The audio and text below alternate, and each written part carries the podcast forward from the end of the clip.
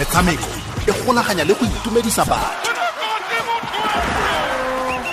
motsweding fm konka bokamoso fela le gale go latela kitsiso ya gompieno ya gore louis van hala o kgaogane setlhopha sa man united a fetsa go fenya bosimega ba fa cup ka la matlhatso ke mmanya pele o buisang le martin tyler a mmotsa ka tema e gore o fetsa go fenya ka fa ka fa mogote tsela tshweu How do you wrap up the story today? You win a trophy. The next thing you're in a meeting, you're being called to nego- renegotiate your three-year contract.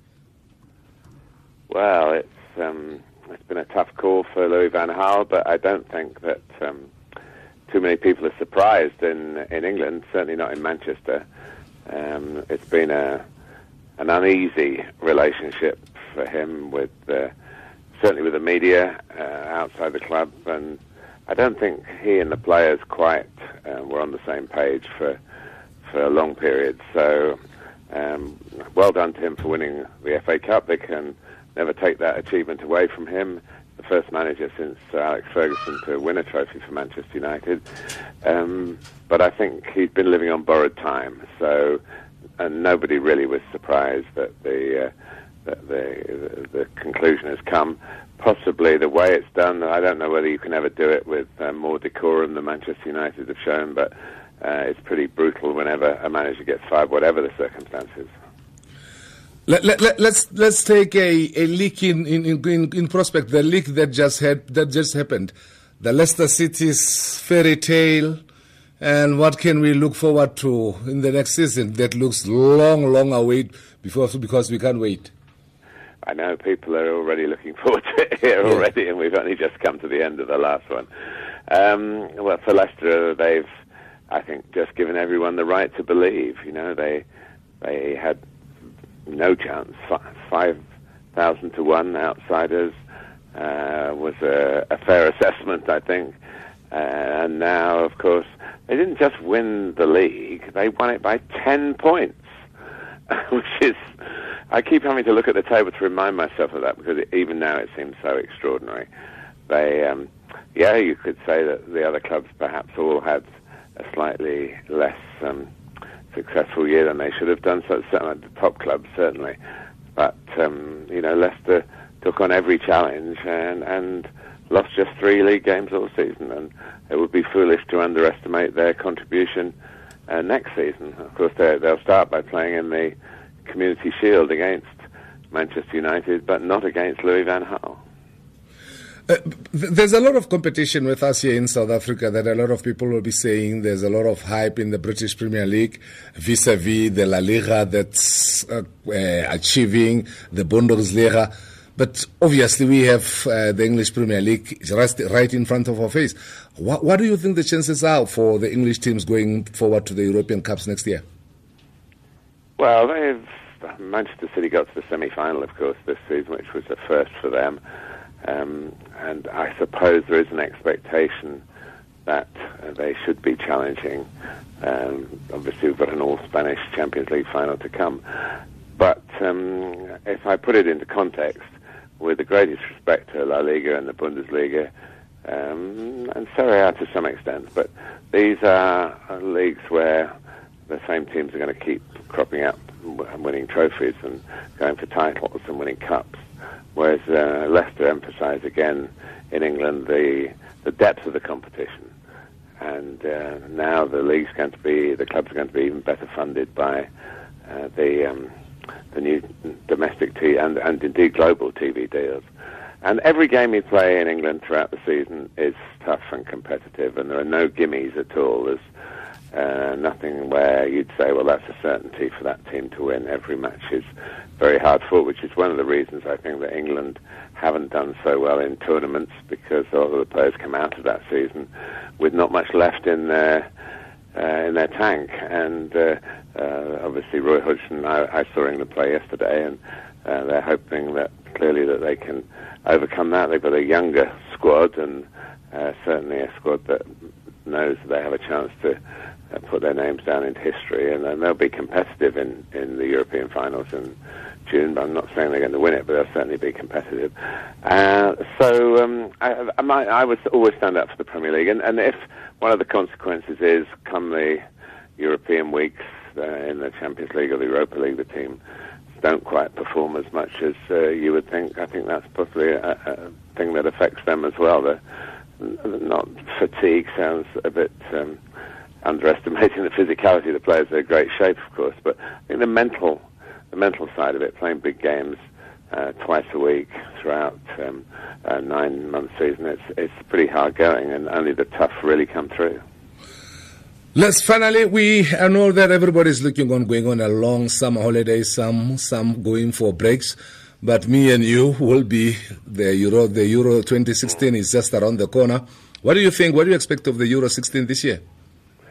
Well, I hope first and foremost it's safe, and that um, the, the, the difficulties that the world has at the moment will not be reflected in any incidents in a country that's already had more than its fair share of trauma in that respect.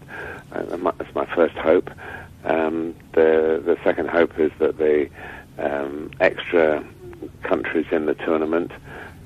Uh, obviously, it's, it's the biggest finals with the 24 countries in it. It's going to make it a different kind of uh, challenge, um, and but I hope that organisation works well to justify uh, the extra countries being involved. I think the worry is that you get a lot of group matches which don't really lead to too much um, in terms of uh, shaping uh, the, the, destiny in those games. I mean, pretty much, you know, obviously, 16 of the 24 teams are going to qualify, and over matches spent over the first couple of weeks of the tournament. So, I hope that um, there's a stimulus in that that at times you look at and say, well, you know, they're going to get through anyway. What does this game mean?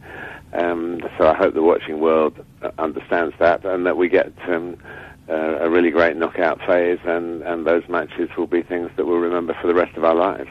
Uh, looking at the 24 teams, who are your best favorites or teams that you think will definitely come to the party? I, think all the big nations will, will have a, a fair chance because they will be in the knockout phase. And obviously, the host country is always um, fancied to do well, but they actually winning as host nation is, is quite a problem. So, um, you know, France have done it before. Um, obviously, in 1998 they won the World Cup in France, so they'll be trying to draw on that. Um, but I, I think it's a very even tournament, and I do think it's about. Um, the, obviously, some of the squads have been a little bit hit by injuries in the in the build-up. Players who've, who've unfortunately picked up injuries towards the end of the domestic season. Uh, so when we see who's there and how it shakes down when the squads are finally confirmed, have a better idea. But um, it's a it's a big prize. It's something that um, Europe's very proud of. The the depth of talent and the depth of countries to be able to do that. It has a surprise element to it. I mean, who would have thought Greece would have won it? Mm-hmm. What, Twelve years ago now. So, you know, if you if you come right at the right time with the right group of players and you're well organised and well managed and everyone's focused, then even an outsider might come through. And we are, of course, in the year of Leicester City. Yeah, I know you're packing your bags off to France very soon, but uh, let me. I can't wait for the day the Stanford Strand will be welcoming the special one. yes, well, um, he's got to prove he's still the special one, hasn't he? He wasn't so special for Chelsea this season, and if he, we're still awaiting official confirmation. I mean, it's the worst kept secret the game of football, I think. That uh, um, virtually from the moment he left Chelsea, that he was coveting a chance to manage Manchester United. Um, you know, I wish him well. It's an ambition that he obviously wants to fulfil, but he's got to learn from uh, the first half of this season where.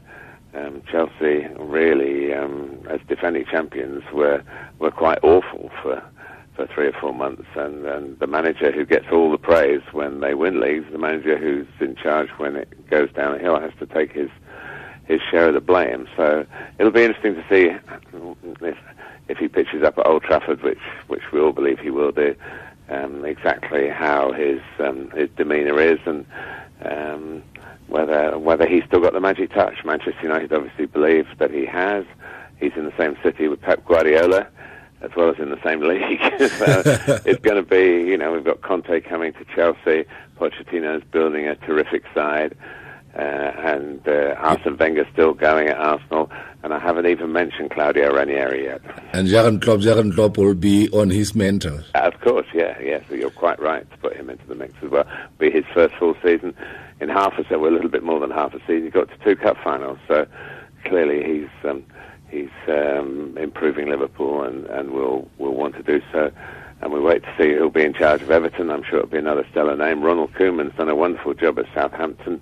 West Ham are moving to the Olympic Stadium, a new venue with uh, Slaven Bilic on the back of a really successful season. They've got European football now after Manchester United won the FA Cup. They qualify for the Europa League.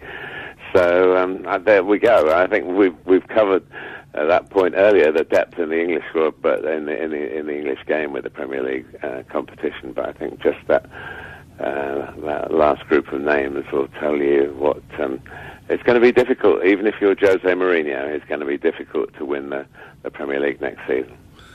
Martin, thank you very much for your time. Always a pleasure talking to you. Cheers, Clement. Thank you. Thank you. Bye bye. Gape bosigo malatsi a le somamabedi le botlhano le somamabedi le borataro motsweding fm e tla be emisitse rustenburg sun city resort.